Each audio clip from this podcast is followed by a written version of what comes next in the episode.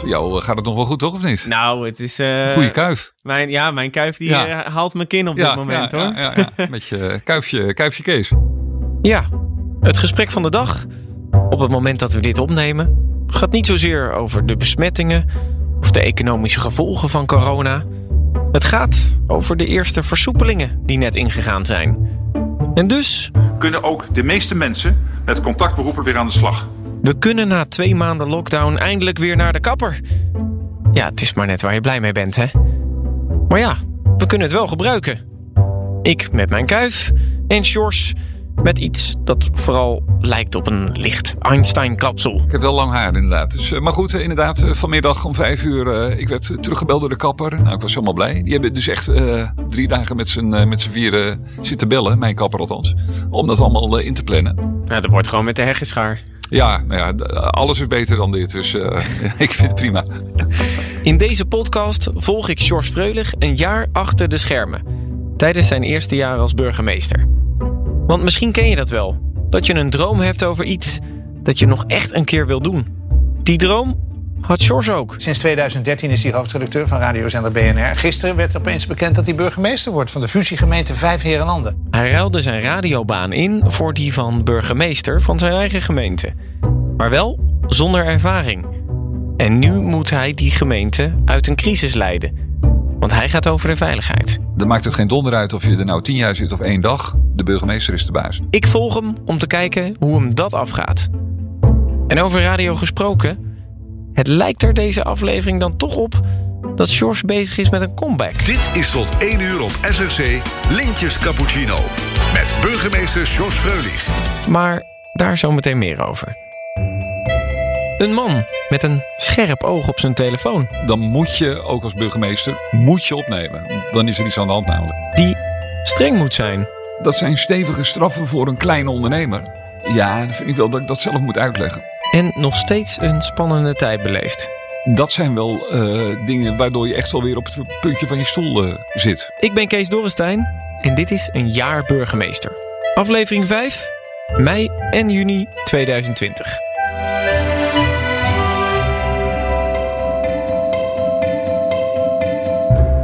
We hebben ondertussen wel wat bereikt met elkaar.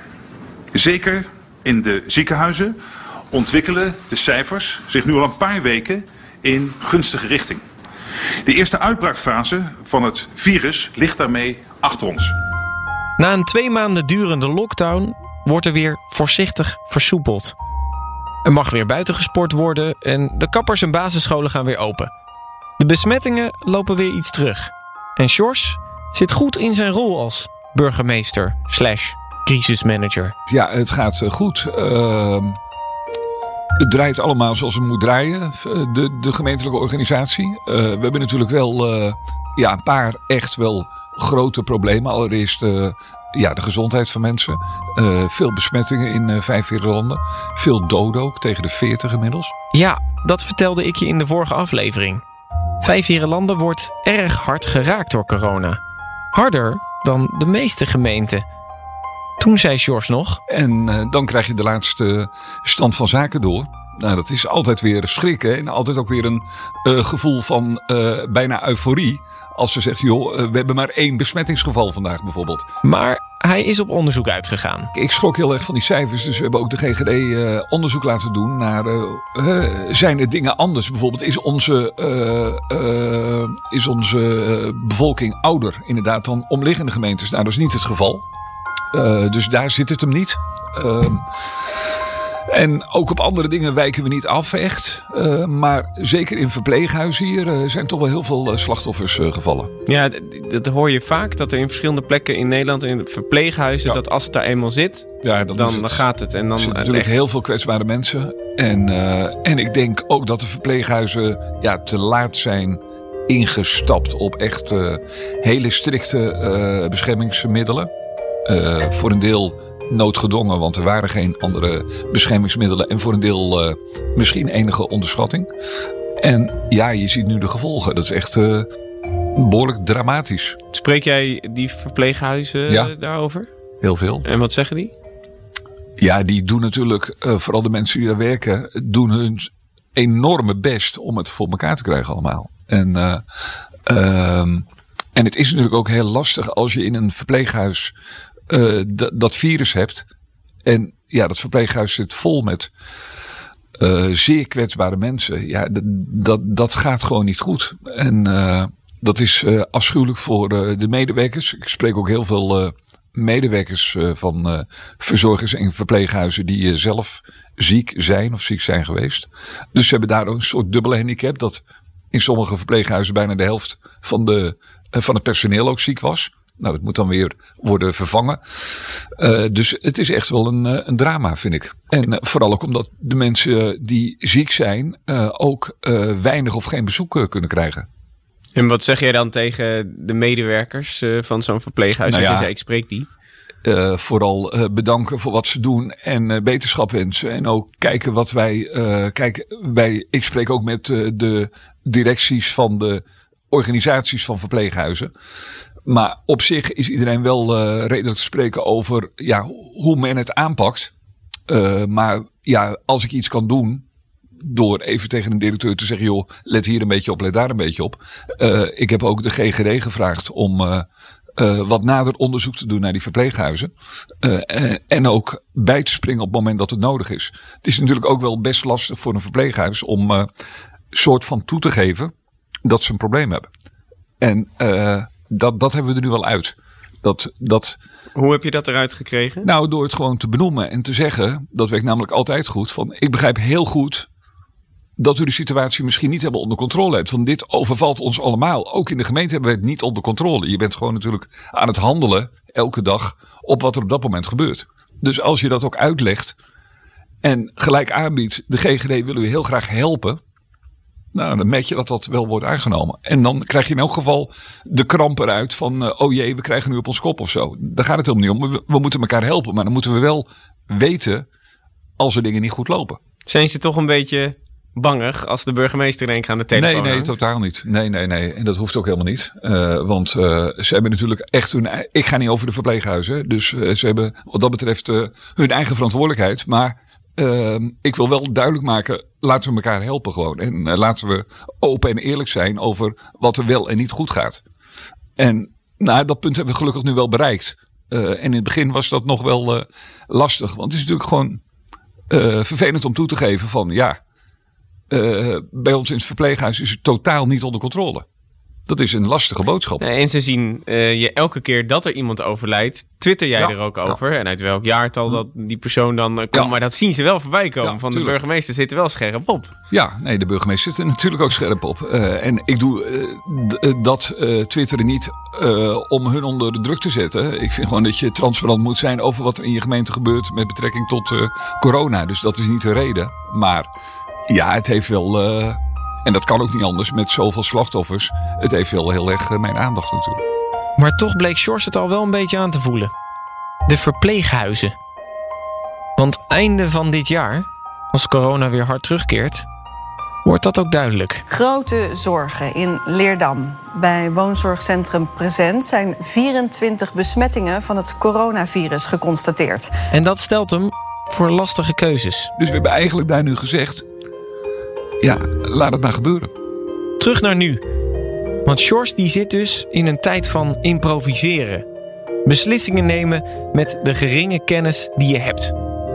Hij heeft ook geen spijt van beslissingen die misschien niet helemaal goed gegaan zijn. Nee, kijk, je leert elke keer wel. Maar eh, het heeft niet zoveel zin om eh, te kijken hoe je het een maand geleden misschien niet helemaal goed hebt gedaan. Omdat je op dat moment de beslissing nam met de eh, informatie die je op dat moment had. Eh, dus we hebben nog niet echt dingen wat dat betreft echt eh, helemaal eh, de mist in zien gaan. Ik maak me wel een beetje zorgen. Ik ben gewoon wel, ik vind het gewoon inderdaad eh, een beetje eng van hoe gaat dat straks? En dat gevoel is niet onterecht. Want waar het de komende zomermaanden weer goed gaat, komt er, zoals we nu weten, een nog veel heftigere periode aan. Het coronavirus grijpt nog sneller om zich heen dan waar we vorige week mee rekenden.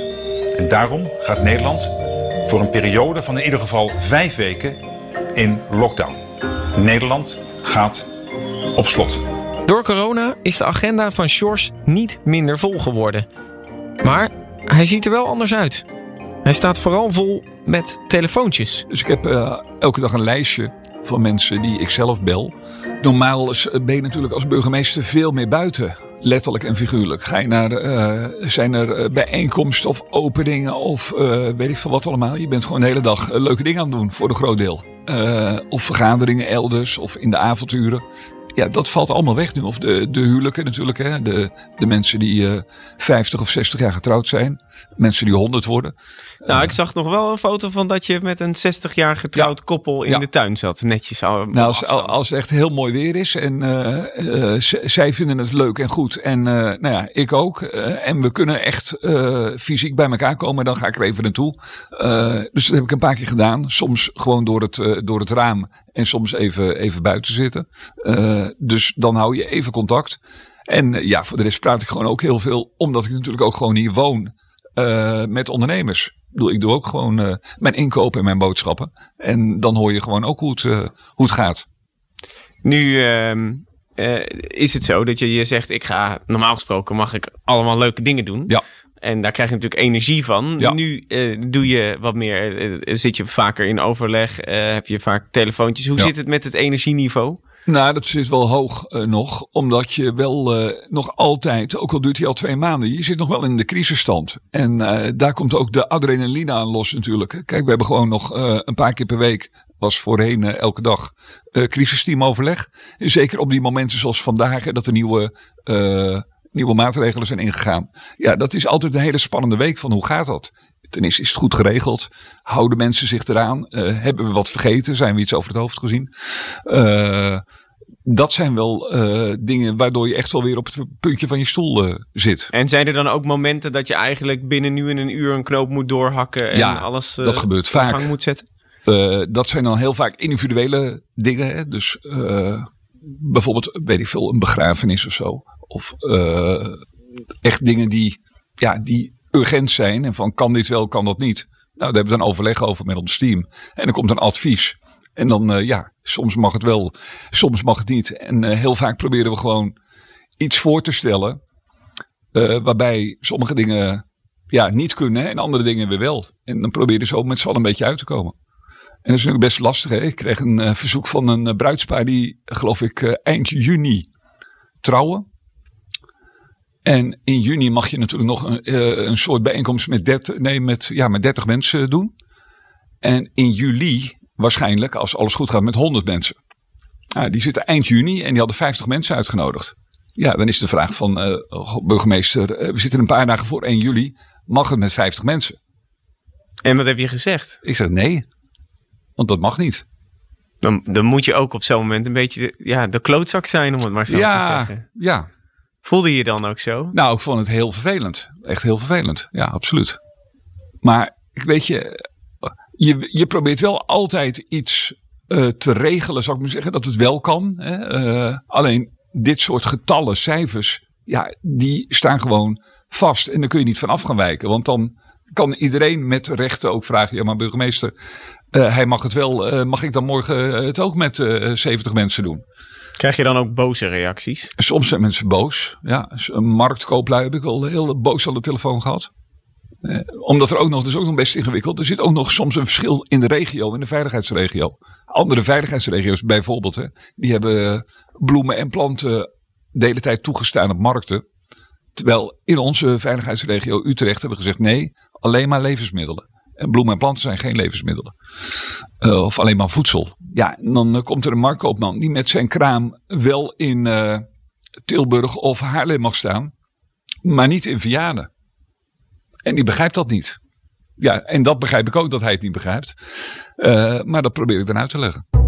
Want George beseft ook dat veel bedrijven stil liggen, dat veel ondernemers hard geraakt worden. Er zijn ook deze maand voor het eerst steunpakketten aangekondigd. Het is voor George ook zoeken naar de balans tussen de zorg en de bedrijven in zijn gemeente. Eh, dat is natuurlijk gewoon het dilemma waar we het nu ook al met z'n allen weken over hebben. Alleen, ik denk toch dat je voor de, eh, voor, voor de volksgezondheid moet kiezen. Dus in alles wat ik doe, eh, staat dat bovenaan. Het is natuurlijk aan de andere kant ook zo dat ondernemers op dit moment heel erg geholpen worden door het Rijk en de gemeente, ook financieel. Eh, dus wat dat betreft. Maar er zijn natuurlijk echt wel eh, ik las vorige week geloof ik, hè, die uh, horecaondernemer, een grote in Brabant, die zei van, uh, nou, als het niet mag, ik ga in juni gewoon open. Ja, met 50 zaken had hij volgens mij. Ja, precies. Ja, ja vond ik echt een belachelijke uitspraak. Dat slaat natuurlijk echt helemaal nergens op. Stel dat iemand dat in jouw gemeente doet. Bel jij die persoon dan ook? Van, nee, daar gaat gelijk uh, de politie op af. Echt waar? Ja, natuurlijk. Ja, nee, als hij het alleen aankondigt, dan, dan bel ik hem natuurlijk. Maar als hij gewoon open gaat, ja, dat kan niet waar zijn. Dat kan natuurlijk niet waar zijn. Als we aan iedereen vragen om echt, hè, en ik noem altijd maar het voorbeeld van mensen die niet bij de crematie van een geliefde kunnen zijn. Mensen die heel graag nog één keer 4 en 5 mei hadden mee willen maken. Die mensen vragen wij, blijf binnen, want het kan niet, het mag niet. Ja, dan heb ik, heb ik zelf niet zo heel veel uh, uh, met mensen die zeggen van nou die regels die lap ik allemaal laars. Daar ben ik echt heel snel klaar mee. Ik merk dat hier in de podcast en ik merk het ook op Twitter. Je bent best wel streng. Ja, is dat zo? Ik bedoel, we, ik, ik zie het niet als, ik, ik, ik zie het niet als een aanval, maar dat valt me gewoon. Nee, ik, ik, beschouw het niet als een aanval, maar ik vind het echt heel. Uh, ik vraag me af of iedereen zich wel realiseert hoe ernstig het is. Dat, dat vraag ik me. En zeker ook jongeren, en begrijp ik dat ook nog wel een beetje. Dat je. Uh, je kijkt nu heel erg naar mij, maar ik ben ondertussen ook al boven de 30 ja, natuurlijk. Dat is wel zo, Kees. nee, maar weet je, als ik een groep jongeren zie staan, dan loop ik er gewoon naartoe. En uh, dan probeer ik uit te leggen waarom waarom we dit allemaal doen. Um, en ja, dat is, dat is best lastig. Hebben zij dan niet het gevoel van... Uh, nou, dit was toch even de burgemeester die ons uh, een, een licht standje kwam geven? En nee, uh, daar heb ik niet zo heel veel illusies over. Maar het was wel leuk. Ik was met mijn vrouw even een wandeling aan het maken vlak bij ons huis. En dan heb je ook een parkeerplaatsje waar regelmatig jongeren bij elkaar komen. En daar was een hele klop op elkaar. Eh, zo'n uh, picknickbank die helemaal bevolkt was met acht of tien uh, mensen. En je moest er echt wel een paar honderd meter even naartoe lopen. Dus ze zagen mij ook zien aankomen. En ik denk dat ze niet wisten dat ik de burgemeester was. Want ik, uh, ik wandelde niet in pak ook, zou ik maar zeggen. Met een keten om. En ik hoorde zo een beetje op de achtergrond van... Oh god, die komt zeiken. Dat hoorde ik. dus ik loop naar ze toe. Ik zeg, hé hey, jongens, hoe is het? Ja goed. Ik zeg, ik kom even zeiken inderdaad. Nou, toen moesten ze wel heel erg lachen dat ik dat gehoord had. En toen heb ik uit jongens, ik ben burgemeester. En uh, dit kan echt niet wat jullie nu doen. Dat is ook echt heel gevaarlijk. Niet eens voor jullie, jullie worden niet ziek, maar uh, wie heeft er nog een opa, wie heeft er nog een oma? Nou, die wil je nog wel even houden, denk ik. Dus ja, toen, dus dat was op zich een goed gesprek en iedereen ging ook echt wel uit elkaar. Maar nogmaals, ik heb niet uh, de illusie dat dat een half uur later nog hetzelfde was, eerlijk gezegd. Maar daar heb ik dan een beetje, dat begrijp ik ook wel. Zo werkt natuurlijk ook voor een deel even nog het puberbrein. Hè, zou ik maar zeggen. Dat je niet echt heel erg de gevolgen van jouw daden heel erg je daar bewust van bent. Maar als je als eh, dat voorbeeld van die, uh, van die grote horecaondernemer in, in, uh, in Brabant zegt. Ja, wat er ook gebeurt, ik gooi mijn zaak gewoon open. Ja, dat vind ik echt zo. Dan heb je echt totaal geen besef van wat er aan de hand is. We zitten gewoon in de grootste crisis sinds de Tweede Wereldoorlog. En dan ga jij zeggen van uh, ik gooi mijn zaak open. Jij moet crisismaatregelen nemen. En we hebben natuurlijk één keer per week vaak een belangrijke persconferentie. Ja. Soms belangrijker dan andere. Ja. Krijg je dan van tevoren al door van dit gaat er gezegd worden. Zodat jij daar zelf ook op in kan spelen? Nou, er is een soort uh, uh, viertrapsraket zal ik maar zeggen. Ehm, wij zijn als gemeentes vertegenwoordigd in onze veiligheidsregio. En daarnaast uh, uh, heb je een aantal burgemeesters die. Uh, kijk, oh, daar gaat hij al. Oh, dat is noodmaatregelen. Ik ga hem even pakken, Kees. Kom ja. er zo op terug. Jos Vreugd. Hey Martina, hallo. Fijn dat je even belt. Als je met Sjors afspreekt, dan zie je hem altijd met een schuin oog naar zijn telefoon kijken. Want als burgemeester moet je bereikbaar zijn. Dit is alleen de eerste keer dat ik meemaak dat er daadwerkelijk een alarmsignaal aangekoppeld is en dat hij ook afgaat. Deze. En dat betekent dat hij direct de telefoon moet opnemen. Trouwens, het antwoord op mijn vraag was nee. Hij wordt niet van tevoren ingeseind als er maatregelen aangekondigd worden. Dus we weten wel een beetje wat er aan zit te komen. Maar die avond zelf zitten onze mensen gewoon klaar om gelijk dingen te doen. Goed, dan nu maar even wachten totdat hij terug is. Daar was ik weer. Zo, gaat alles goed op deze dag dat we weer... Uh, nou, dit was de officier van justitie. En uh, wat er gebeurt als er iets is waarvan je denkt van... Hmm, gaat dat wel goed? Dan uh, beleggen wij een driehoek. Dus de officier van justitie, de teamchef van de politie en de burgemeester. Dus dat, dat gaan we vanavond doen. Oh, oké. Maar dat, je zegt als er iets gebeurt waarvan je denkt, hmm, gaat het wel goed? Ja. Over wat hebben we het dan? Dat ga ik je nu niet vertellen. Nee, nee. dat is toch jammer. Ja, misschien over een maand. misschien over een maand? Ja, Oké, nou, ik, ik schrijf hem op. dat is dan eh, wel weer zo. Volgende aflevering, mensen. Ja, je moet, ja, je moet blijven luisteren. Ik, uh... Al die spannende dingen. Ja, Dit is wel een hele goede tease, hè? Wat is er aan de hand in vijf jaar? Ja, nou, dat alarm. Jeetje, heb je bij iedereen een apart alarm? Nee, ik heb, nee, nee, ik heb wel bij uh, politie en justitie en onze openbare orde en uh, veiligheidsmedewerkers heb ik wel apart uh, nou, deze ringtoon. Zodat ik weet, als die gaat, dan is er iets aan de hand. Dus dan moet ik hem altijd opnemen. Oh, en welke heb je dan bij andere mensen? Die... Nee, dan heb ik gewoon een hele oude, ouderwetse telefoonbel, zou ik maar zeggen. Oh, maar dan hoor je, het is, dus, het is dan ook echt serieus. Want ik reageerde naar net op. Want ik dacht, oh, alarm, er is iets. Maar dat betekent ook echt dat er wat is. Ja, klopt. Ja, dus ik heb gewoon een, een, aantal nummers geselecteerd. Als die bellen, dan moet je, ook als burgemeester, moet je opnemen. Dan is er iets aan de hand namelijk. Opvallend genoeg, dat moet ik wel zeggen, is dit dezelfde toon als die ze in het programma X on the Beach gebruiken op het oh. moment dat er weer een ex aankomt. Oh. Nee, mijn ex eh, die, eh, die heb ik ten eerste die in mijn telefoon zitten. En uh, ten tweede, nou, die hebben ook geen aparte ringtoon zouden ze hebben. Nee. Waarom George gebeld werd? Dat hoor je sneller dan dat je zou verwachten. Want we gaan nu naar juni. Een uitzonderlijk warme maand.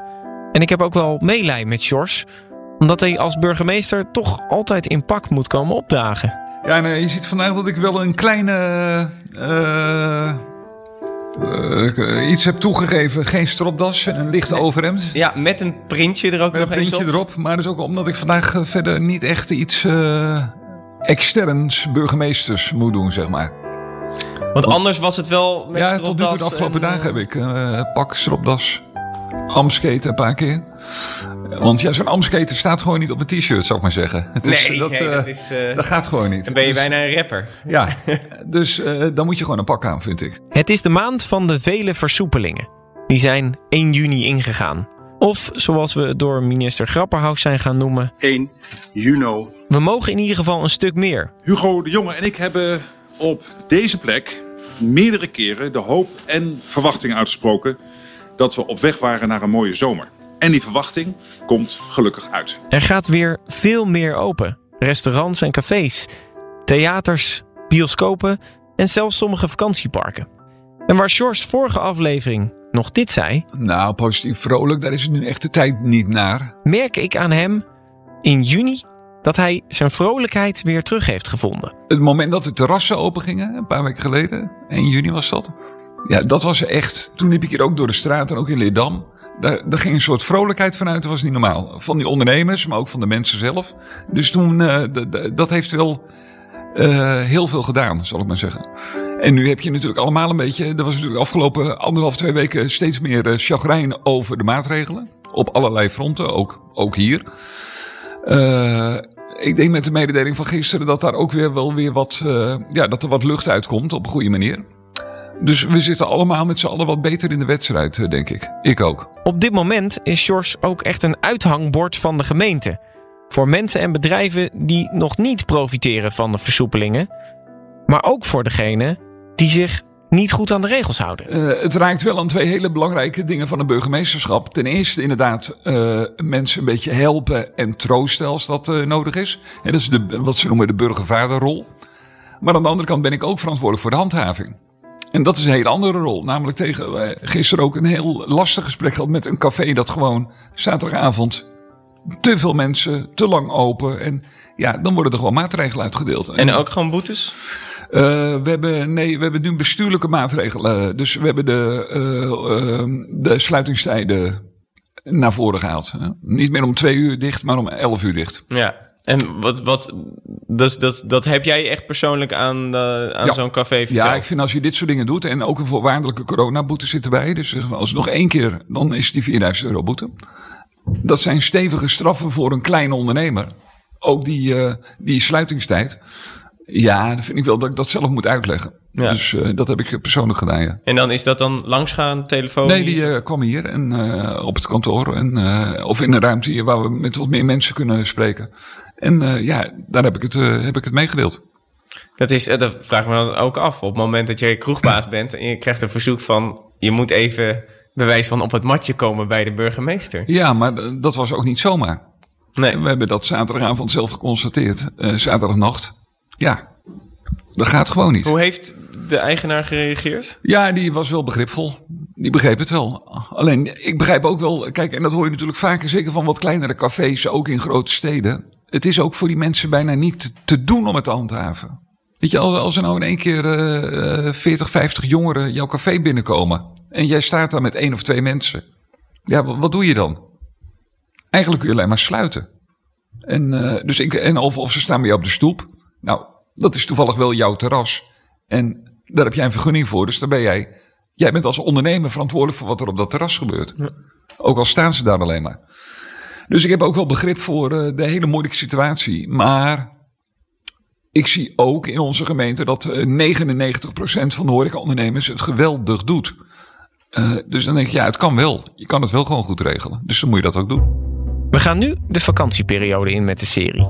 De besmettingscijfers zijn laag en we kunnen weer naar het buitenland. Even weg. Maar ja, daarna, in september, als ik Sjors weer spreek, dan verandert die situatie. Kijk, ik vermoed dat wij de komende weken eh, op elk gebied strenger gaan worden. Dat vraagt namelijk de situatie. Oh, en trouwens nog, over dit. Dat ga ik je nu niet vertellen. Nee, Nee. dat is toch jammer. Ja, misschien over een maand. Ik heb hem natuurlijk nog gevraagd waar dat telefoontje over ging. En het antwoord dat ik kreeg? Hij weet het niet meer. Geen idee meer waar dat over ging. Tja, soms klinken dingen toch wel wat spannender dan dat ze in het echt zijn. Maar ik kan je vertellen, in de volgende aflevering gebeuren daadwerkelijk spannende dingen. Nou, het is natuurlijk die hele kunstwereld en die kunstroven. ehm, dat is natuurlijk ook hartstikke spannend. En je hoort ook waarom Sjors sommige dingen niet met familie of collega's kan In delen. bepaalde situaties sta je als burgemeester echt wel eh, gewoon. eh, kom, kijkt iedereen naar jou? Moet jij de beslissing nemen of moet jij iets doen? En dat, is, eh, dat heb ik wel al een paar keer meegemaakt. Dat kun je eigenlijk alleen maar goed met andere burgemeesters bespreken.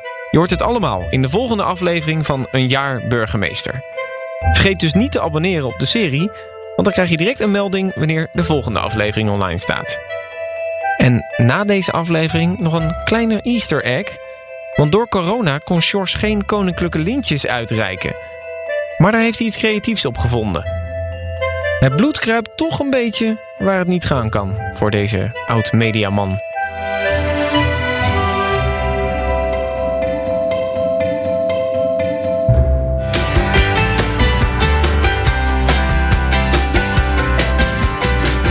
Nou, nou, nou. Is dat lang geleden dat ik die mocht afkondigen, zeg. En dan nog wel een keer op vrijdag, maar dat moet kunnen. Bluff was dat. En zaterdag. Goedemorgen allemaal. Het is eh, 13 minuten over 8 en een bijzondere dag. Want op eh, deze vrijdagochtend gaan wij de koninklijke onderscheidingen uitreiken. En u weet het, vanwege corona kunnen we dat niet live bij de mensen thuis of in het zaaltje. Maar doen we dat eh, via de telefoon. En eh, hier in eh, de gemeente Vijfheerlanden hebben we bedacht om dat gewoon via een radioprogramma te doen. Dus ja, de komende uren tot 1 uur is hier een lintjes eh, cappuccino met de burgemeester. En ik hoop dat ik maar liefst 23 mensen mag eh, verrassen met een eh, koninklijke onderscheiding. Eh, ze weten niet natuurlijk dat ze hem krijgen. Dus we gaan gewoon straks bellen live in de uitzending. En eh, hopelijk ze heel erg gelukkig maken. Want we gaan er vooral een feestje van maken. De nummer 1 radio voor de regio. Dit is tot 1 uur op SRC Lintjes Cappuccino. Met burgemeester George Freulich. Dit is SRC.